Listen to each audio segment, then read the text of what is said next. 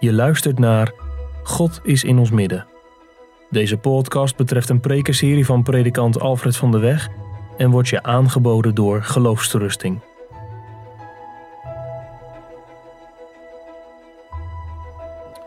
We openen de schriften deze morgen in het boek Exodus. De komende weken zullen we als de Heer het geeft met elkaar als het ware de tabernakel binnenwandelen en de voorwerpen die daar staan bekijken, op ons in laten werken en zien hoe deze voorwerpen getuigen van het werk van Christus. We beginnen bij het begin, Exodus 27. Daar wordt geschreven over de voorhof. Exodus 27 in deze voorbereidingsdienst op de viering van het avondmaal. Beginnen te lezen bij vers 9. U moet ook de voorhof van de tabernakel maken. Aan de zuidzijde in zuidelijke richting moeten kleden voor de voorhof van dubbeldraads fijn linnen komen. De lengte van die ene zijde is 100 L, ongeveer 50 meter.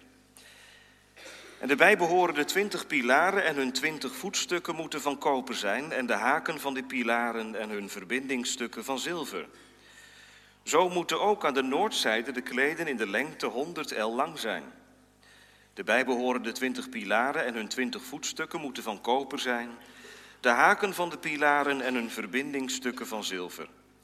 In de breedte van de voorhof aan de westzijde moeten kleden komen van 50 L met de tien bijbehorende pilaren en hun tien voetstukken. Eveneens moet de breedte van de voorhof aan de oostzijde, waar de zon opkomt, 50 L zijn, zodat er 15 L kleden aan de ene zijde zijn, met de drie bijbehorende pilaren en hun drie voetstukken, en 15 L kleden aan de andere zijde, met de drie bijbehorende pilaren en hun drie voetstukken. Verder moet er voor de poort van de voorhof een gordijn van 20 L komen van blauw-purperen, rood-purperen en scharlakenrode wol en dubbeldraads fijn linnen, borduurwerk. En bovendien vier bijbehorende pilaren en hun vier voetstukken. Alle pilaren rondom de voorhof moeten verbindingen van zilver krijgen. Hun haken moeten van zilver zijn en hun voetstukken van koper.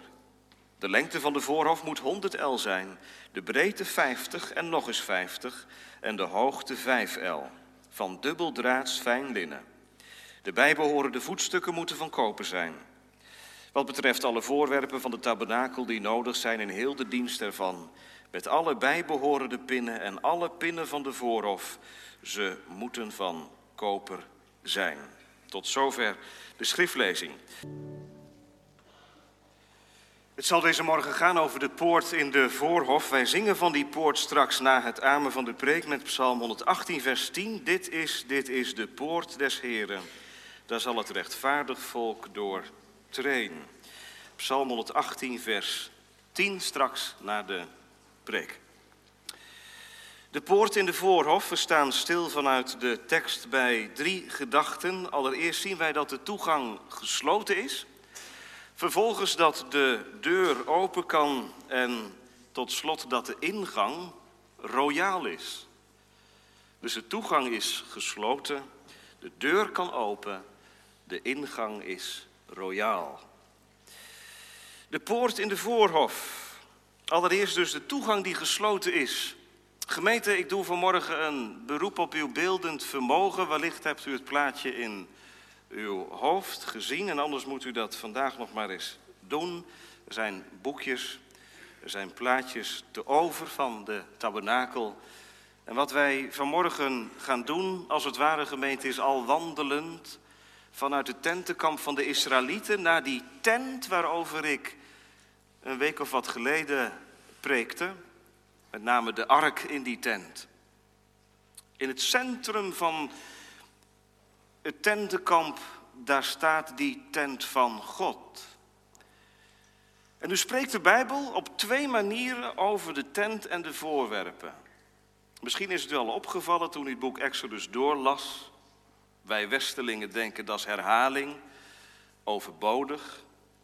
Maar dat is niet waar. Op twee manieren wordt er in het boek Exodus over de tabernakel en de voorwerpen geschreven. De eerste keer is vanaf Exodus 25 enzovoort. De tweede keer vanaf Exodus 36 enzovoort. Al met al heel veel hoofdstukken. Vanaf Exodus 25 zie je de tabernakel vanuit het perspectief van God. Daarom begint het voor ons gevoel onlogisch in, vers, in, in hoofdstuk 27 met het brandofferaltaar en daarna pas de poort in de voorhof. Dat is onlogisch, want eerst komt die poort en daarachter staat het brandofferaltaar. Maar dit is de, het perspectief vanuit God. Vanaf Exodus 36 zult u zien, daar wordt een andere orde beschreven. Dat is de orde die iedere Israëliet mee kon maken. Eerst de poort, dan het brandofferaltaar, dan het wasvat enzovoort. En wij volgen vanaf vanmorgen die orde. Ja, en kinderen, wat is dan het eerste waar je tegenaan loopt? Als jij, stel dat je in die tijd geleefd zou hebben, met je vader mee zou gaan op weg naar de tabernakel, was dan het eerste wat je ziet? Is dat de ark? Is dat het wasvat? Is dat het brandofferaltaar? Nee. Weet je wat het eerste is wat je ziet? Een grote, witte omheining. Heb je wel eens een bouwterrein gezien? Hier in Apeldoorn wordt ook wel gebouwd. Bouwterreinen. Het zijn vaak van die terreinen die afgesloten zijn met van die, van die hekken. En soms zit er zelfs ondoorzichtig folie omheen. Je kunt er niet doorheen kijken. Je kunt er ook niet overheen kijken. Je komt er ook niet zomaar binnen en overal staan bordjes verboden toegang voor onbevoegden. De tabernakelgemeente is geen plaats waar je zomaar binnen wandelt. Je wandelt niet zomaar rechtstreeks naar het hart. En je bent ook niet zomaar bij God. Het eerste waar iedereen tegenaan loopt is die witte omheining van het heiligdom. Waarom kunnen wij niet zomaar meer naar God toe en naar God terug? Dat was in het paradijs heel anders. Daar wandelden Adam en Eva niet alleen hand in hand met elkaar, maar ze wandelden ook met God. Er was geen kloof, er was geen verstoorde verhouding, er was geen breuk, er was harmonie. Maar door de opstand van ons tegen God heeft God ons de tuin van de gemeenschap uitgezet. Er was een toegang. Maar kinderen, wie stonden er voor die toegang? Twee engelen, twee gerubs met vlammende zwaarden. Je kwam er niet meer in. Levensgevaarlijk. Maar gemeente, die situatie is niet veranderd als God zijn heiligdom geeft. U weet nog, hè, dat was het initiatief van God zelf. Die situatie is niet veranderd in Exodus. Het volk is en blijft opstandig van huis uit. Daarom is het al pure genade dat er een tent komt. Maar die omheining is het eerste dus wat je ziet. En ik heb eh, verteld tijdens de schriftlezing, 100 L is 50 meter. Het was dus een heel terrein. Allemaal van die witte kleden. 50 bij 25 meter. Weet je wat je zag als je naar, het, naar de tabernakel wandelde? Dan zag je nog net het dak van de tabernakel boven die omheining uit. Want het dak van de tabernakel was vijf meter hoog. En ik denk dat je af en toe wat rook zag kringelen. En misschien het geluid van de offerdieren hoorde. En voor de rest, niets. Een witte afscheiding. Wit is de kleur van de heiligheid. Van de reinheid. God is heilig.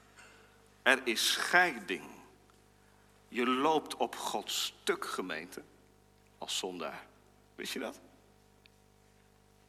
Wie kan God zien en leven?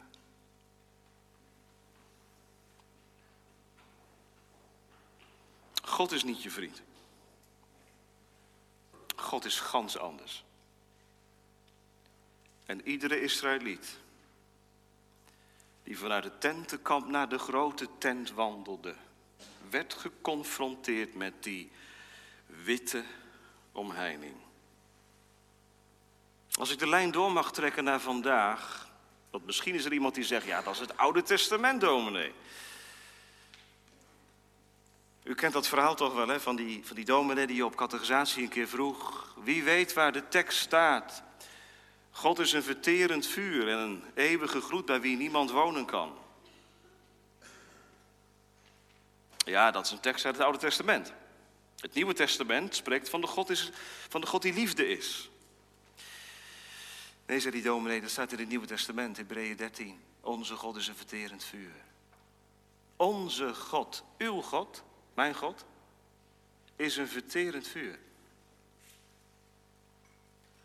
Een eeuwige gloed, bij wie niemand wonen kan. En toch wil God wonen onder zijn volk? Ja, maar je kunt niet wonen bij hem. Hoe kan dat nou? Gemeente, dat is de spanning die we niet kwijt mogen raken. En soms denk je, raken we dat ook niet een beetje kwijt?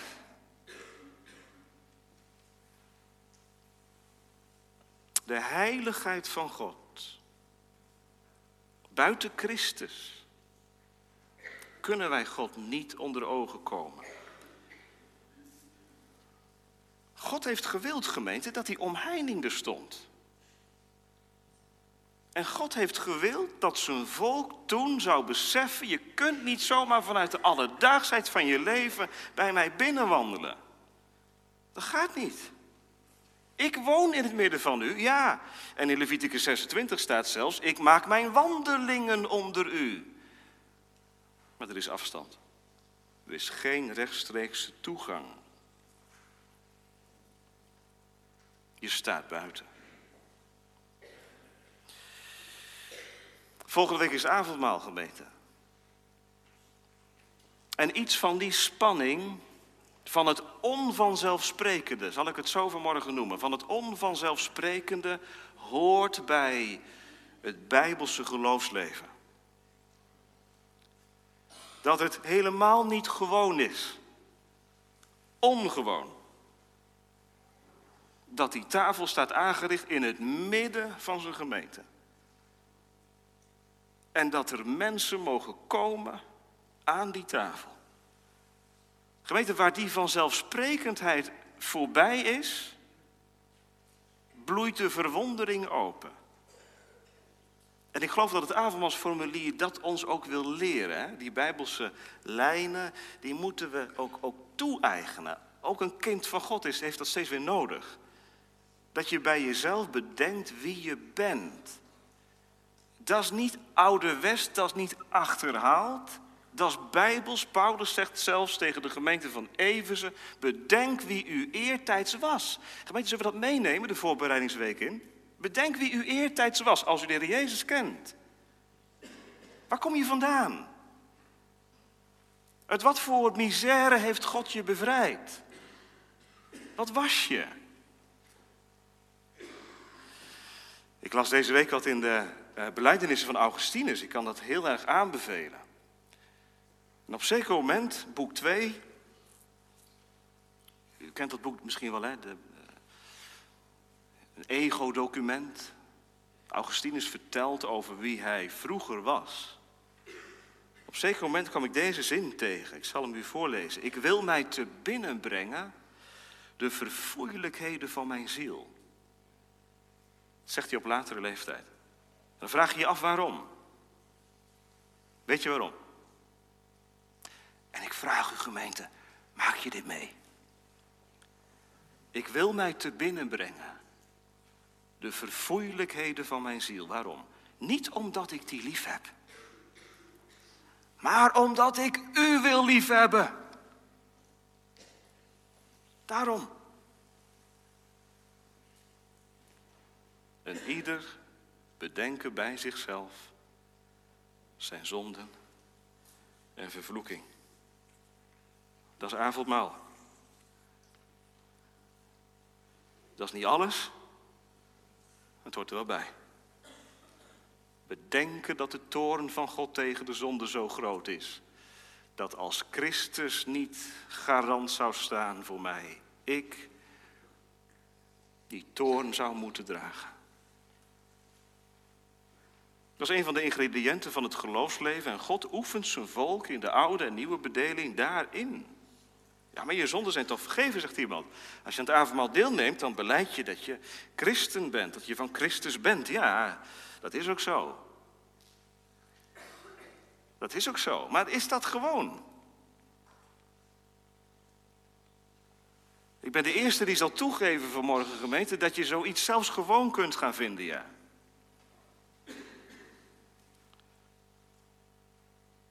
Maar dan heb ik een probleem met mezelf. Verdieping in het leven met de Heer bestaat uit nadere kennis van Christus en ook nadere kennis van jezelf. Nou, zou die omheining, hè, die omheining rond die tabernakel, zou, zou dat ook niet bedoeld zijn om, om het volk van Israël steeds weer in te prenten? Verootmoedig je. Die tabernakel, die tent van verzoening moest er komen vanwege jou. Avondmaal, waarom? Omdat Jezus Christus zich borg stelde voor jou. Gemeente, waar wij aanlopen tegen de onmogelijkheid om zomaar binnen te gaan. Er is één persoon die daar niet tegen aanliep. U moet het boek Hebreeën de komende week ook maar eens lezen. Vooral Hebreeën 9. Hebreeën 9 is een, is een hoofdstuk wat, wat uitlegt waarom de tabernakel een voorafbeelding is van het werk van Christus. En in Hebreeën 9 staat dat er één geweest is die zomaar door kon lopen. Die zomaar naar, de, naar het hart van de tabernakel kon lopen. Het heiligdom binnen kon gaan. Voor God kon verschijnen. Dat was Jezus. Door zijn eigen bloed kwam hij binnen. En ieder die achter hem schuilt, mag achter hem aangaan, bevend. Als een rietje misschien. Maar als hij gaat, kan ik er achteraan. Toegang is gesloten. De omheining staat er. Onze tweede gedachte, de deur kan open. Want ook al kun je niet zomaar naar binnen, er is wel een poort. En dan moet je even doorlopen. Loop in gedachten even door om die omheining heen. En dan zien we aan de oostkant, waar de zon opgaat, een poort. En ja, kinderen, waar is een poort voor bedoeld? Waar is een poort voor bedoeld? Een deur. Een deur is bedoeld om van de ene ruimte in de andere ruimte te komen. Een deur is niet bedoeld om altijd dicht te zitten. Gemeente, wat een wonder. Vers 16 spreekt over een poort van de voorhof. Dus een, een toegangspoort in die omheining. Er is voor buitenstaanders toegang. Er hangt een gordijn. En dat gordijn dat kun je opzij schuiven en door dat gordijn heen kom je dan binnen. En kijk eens even gemeente naar die deur, naar die poort. Wat een kleuren. Wat een kleuren. Daar word je stil van. Ik zal er straks nog iets meer over zeggen over die kleuren. Blauw purperen, rood purperen, scharlaken rood. Schitterende kleuren. Je wordt er naartoe getrokken. Nou, dat is ook de bedoeling. Terwijl je geconfronteerd wordt met de heiligheid van God. Dat je niet zomaar naar binnen kunt. Word je tegelijk aangetrokken door die poort. Dat heeft God zo bedacht. Dit komt uit het hart van God, gemeente. U weet toch dat Mozes tot in detail alles heeft nagemaakt op initiatief van God zelf. Terwijl die witte tentdoeken je afschrikken, hoeft die deur je niet af te schrikken. Er is een weg naar binnen. En die hoef je niet zelf uit te denken. Hoeft niet alle mogelijke moeite te doen om op een bepaalde manier binnen te komen. Er is één weg, dat is een exclusieve weg ook. Buiten deze toegang is er geen toegang in het tabernakel. Dat is die deur in de voorhof. Weet je hoe breed die was? Daar hoop ik straks bij punt 3 nog iets meer over te zeggen. 10 meter breed. Heb je ooit zo'n deur gezien? 10 meter breed. Wat een opening. Die deur is echt niet onvindbaar hoor. Je hoeft niet met een vergrootglas te zoeken. Christus is geen verborgen persoon, maar de meest geopenbaarde persoon. Is niet weggemoffeld, maar God maakt hem aantrekkelijk voor buitenstaanders. Hoort u dat? U bent zomaar bij Christus vanuit de tekst. Ik ben de deur. Als iemand door mij naar binnen gaat, zal hij behouden worden. Christus is de deur. De poort naar het hart van God. Waar zondaren door naar binnen moeten en door naar binnen kunnen. Er is één naam onder de hemel gegeven waardoor je kunt zalig worden. Waardoor je moet zalig worden. Nou, dat is voor een Israëliet toen een geweldige eh, opluchting geweest. Er is een deur, je kunt naar binnen. Je kunt niet in het heilige der heiligen komen. Je kunt ook niet in het heilige komen als gewone Israëliet. Maar je kunt wel in de voorhof komen. En dat is genoeg. Dat is genoeg. Je hoeft het werk van de priesters niet te doen. Je hoeft zelfs niet zelf te offeren. Het enige wat nodig is, gemeente, is binnenkomen en binnen zijn.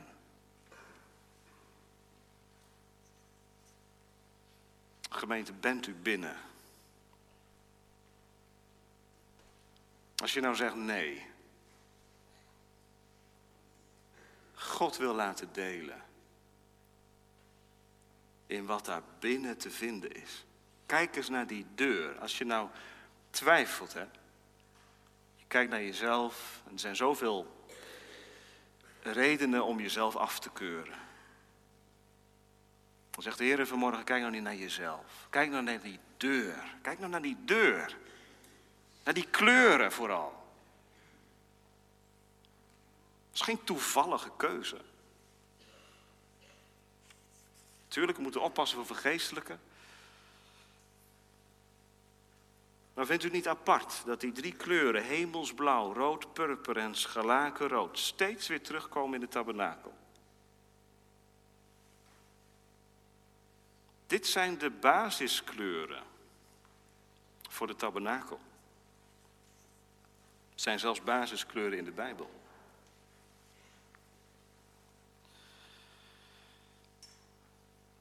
Op dat witte tentdoek, want dat was de ondergrond, op dat witte tentdoek heeft God bedacht, er moet hemelsblauw, roodpurper en scharlakenrood opgeverfd worden.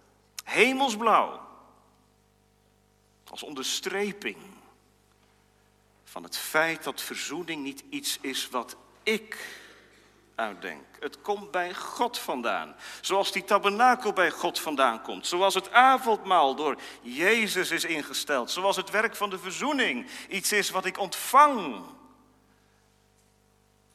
Hemelsblauw. Kijk eens naar die deur. Niet alleen hemelsblauw, maar ook scharlakenrood. Kleur van het bloed. Al waren uw zonden als scharlaken, ze zullen wit worden als de wol. En rood-purper, dat was de kleur in de Bijbel van de koningen. U weet misschien dat Jezus later een rood-purperen mantel aankreeg toen, toen ze een koninkje gingen spelen met hem. De kleur van de hemel, de kleur van de koning, de kleur van het bloed. Drie kleuren. Op die witte, heilige ondergrond. En daardoor kun je naar binnen. Ook ik. Ik ben onrein. Er is zoveel tegen mij. Ik mis zoveel. Gemeente, je komt niet tot de tabernakel om daarmee te tonen dat je in jezelf volkomen en rechtvaardig bent. Je komt niet tot het avondmaal om daarmee te laten zien dat jij het lek boven water hebt. Wie kwam er in de tabernakel? Ja, dat was de gewone Israëliet. Iedereen kon er komen, zegt u. Ja, dat is zo. En wie had er de zegen van? Had iedereen dat? Nee, dat waren de mensen die zich verootmoedigden. Die het wonder wonder lieten. Die door de poort naar binnen gingen. Als buitenstaander binnenkwam en moest zeggen: Ik moet leven van wat straks daar gebeurt op het brandofferaltaar. Daar wordt een dier in mijn plaats geofferd. Het bloed van Jezus Christus, dat reinigt mij van alle zonde. Gemeente, zo alleen is er toegang tot het avondmaal. En zo alleen is er ook zegen. Want wie ontvangt de geestelijke zegen? Dat is degene die komen om te ontvangen. En in zichzelf zeggen, ik lig midden in de dood. Maar ik heb Christus nodig. En Hij is mijn leven. En dan kan de duivel je aanklagen en dan kunnen allerlei stemmen van binnen zeggen: Het kan niet, het mag niet. Maar waar Christus in het oog en in het hart is, en de Heilige Geest stuurt daarop aan, daar is de weg naar de tafel gebaand.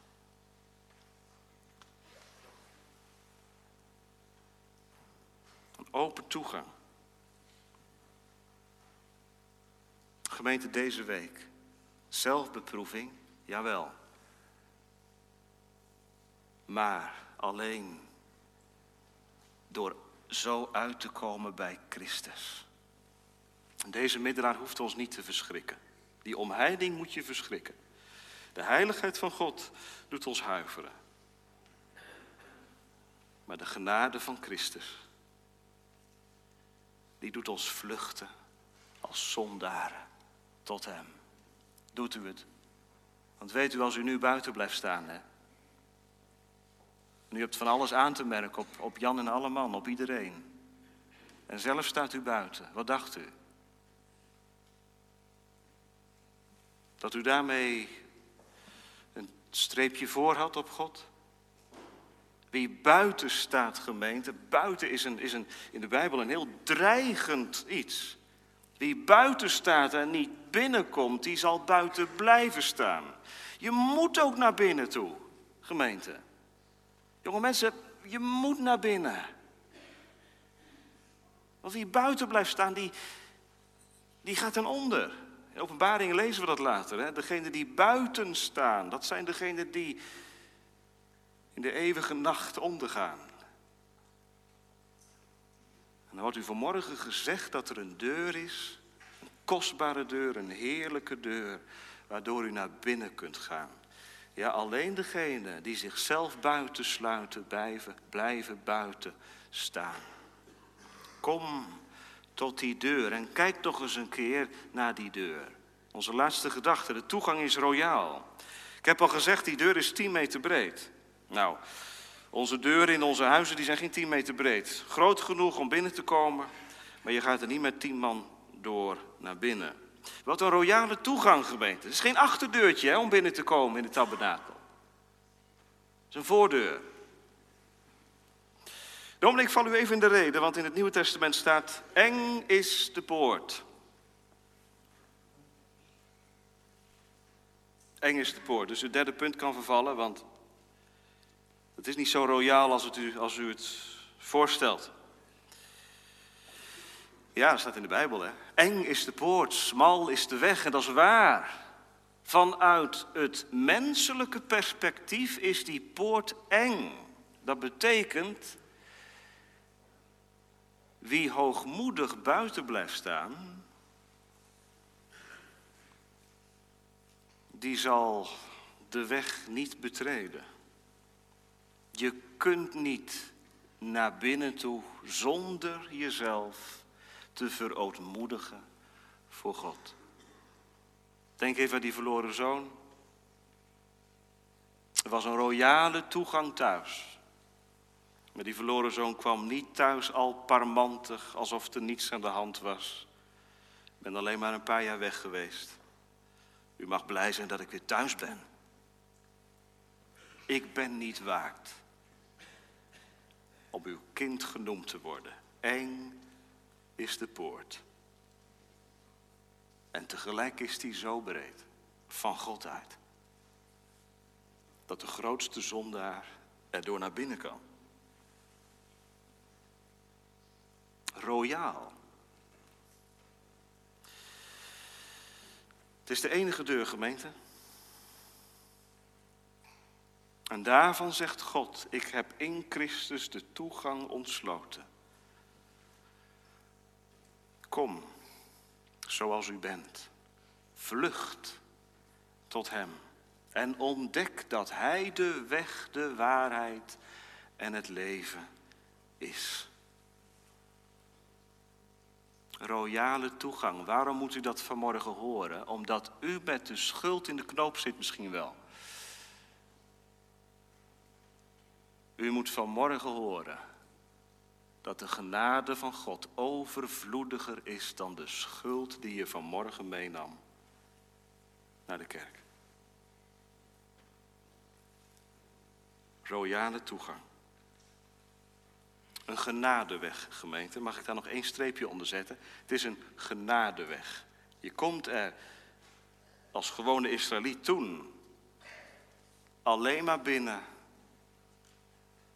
Niet met iets van jezelf, maar met te wijzen op het offer en op de offerdieren. Zo ga je gezegend naar huis, anders niet. Het is een genadeweg. We zoeken het leven buiten onszelf in Jezus Christus. Dat zegt iedere avondmaalsganger die van deze genade leeft.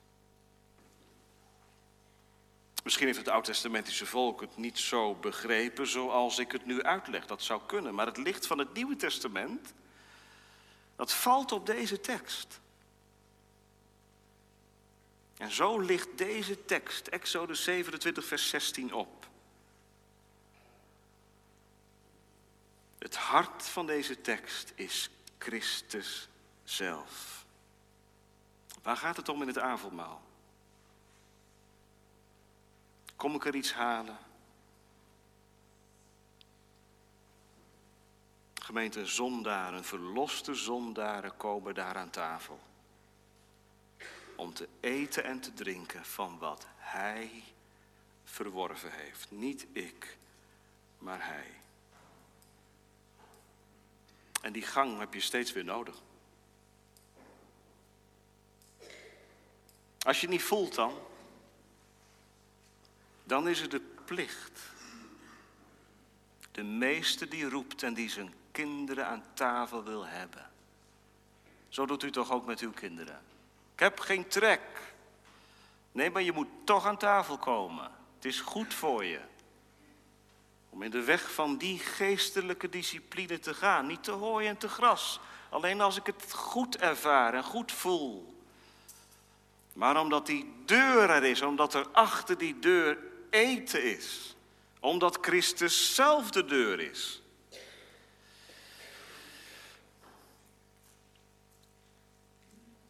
Zo komt het avondmaal achter de op eigen kracht niet kunnen volhouden. Maar die zeggen, hij is mijn leven. En anders niet. Gemeente, gezegende voorbereidingsweek toegewenst. In het afzien van jezelf. In het dagelijks verootmoedigen. In het zicht op die deur. En in de blijde, hoopvolle spanning. Dat wie tot hem de toevlucht neemt, eens en opnieuw het wonder echt meemaakt. Hoe groot is het goed dat u zult geven aan degene die u vrezen. Gemeente, dat belooft hij. Dat zegt hij toe. Echt. Die tabernakel staat er niet voor de show. En die avondbalstafel staat er niet omdat het hoort. Het is de instelling van Christus. En hij zal zijn kinderen daarin tegemoet komen, bevestigen, versterken en het zicht op hem verscherpen. Vreugde. Dit is de poort des Heren. Ja, dan kan zomaar gebeuren dat je met lood in je schoenen toch vanwege het zicht op jezelf daar als Israëliet binnenkwam lopen.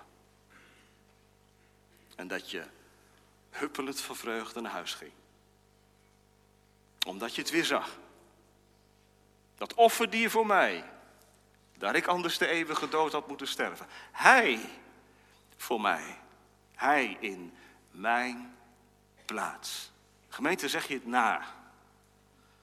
Dan wordt avondmaal iets van verwondering, diepe vreugde en blijdschap. U bent het waard. U alleen. Amen.